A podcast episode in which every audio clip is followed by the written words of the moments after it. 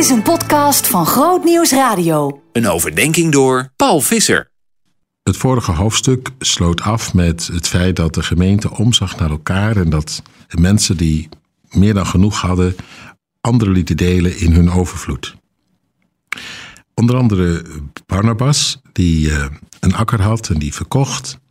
En waarvan die de opbrengst inzette om uh, anderen een handje mee te helpen. Een prachtig voorbeeld. En dan lezen we verder in hoofdstuk 5. Een zekere Ananias verkocht samen met zijn vrouw Safira eveneens een stuk grond, maar hield een deel van de opbrengst achter. Ook zijn vrouw wist ervan en bracht de rest van het geld naar de apostelen. Maar Petrus zei: Ananias, waarom heb je je door Satan laten misleiden en heb je de Heilige Geest bedrogen door een deel van de opbrengst van het stuk grond achter te houden? Je had het immers niet hoeven te verkopen. En nu je het wel verkocht hebt, had je met de opbrengst toch kunnen doen wat je wilde. Wat heeft je bezield om je zo te gedragen? Niet de mens heb je bedrogen, maar God zelf.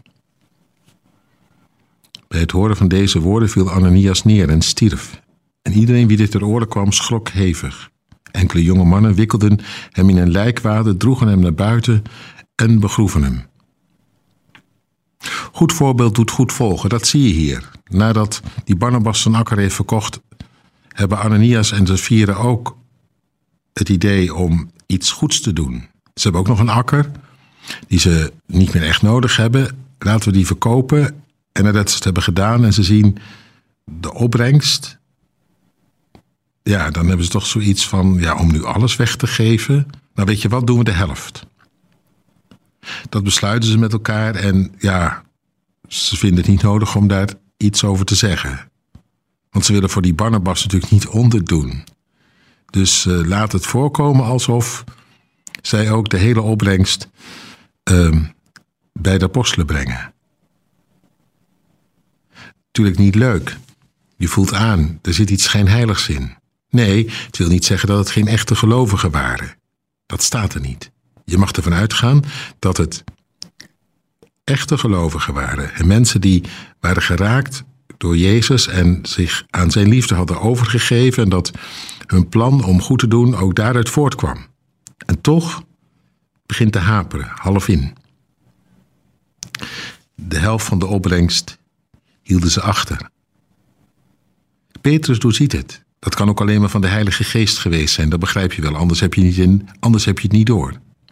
En legt de vinger erbij. En hij laat het weten. Je had met een goed geweten ook de akker voor jezelf kunnen houden of de opbrengst kunnen verdelen zoals je wilde. Maar nu dit, dit net doen alsof, de boel bedotten. Nee, het is liegen tegen de Heilige Geest en tegen zijn gemeente. En met dat hij het heeft gezegd, valt Ananias dood neer. Wat een heftigheid. Moet dat nu zo? Nou ja. Om te beginnen toch wel even dit. Schijnheiligheid. Daar zijn wij toch niet van?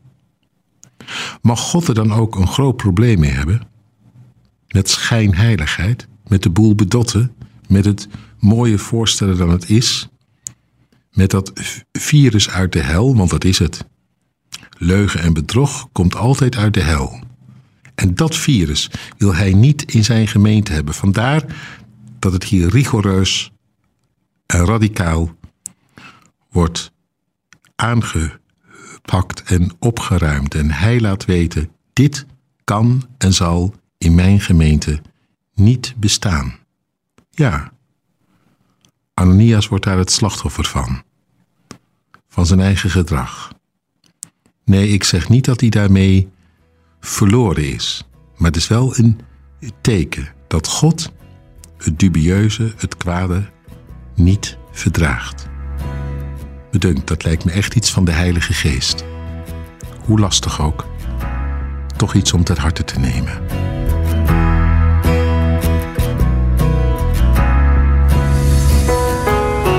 Meer verdieping? grootnieuwsradio.nl slash podcast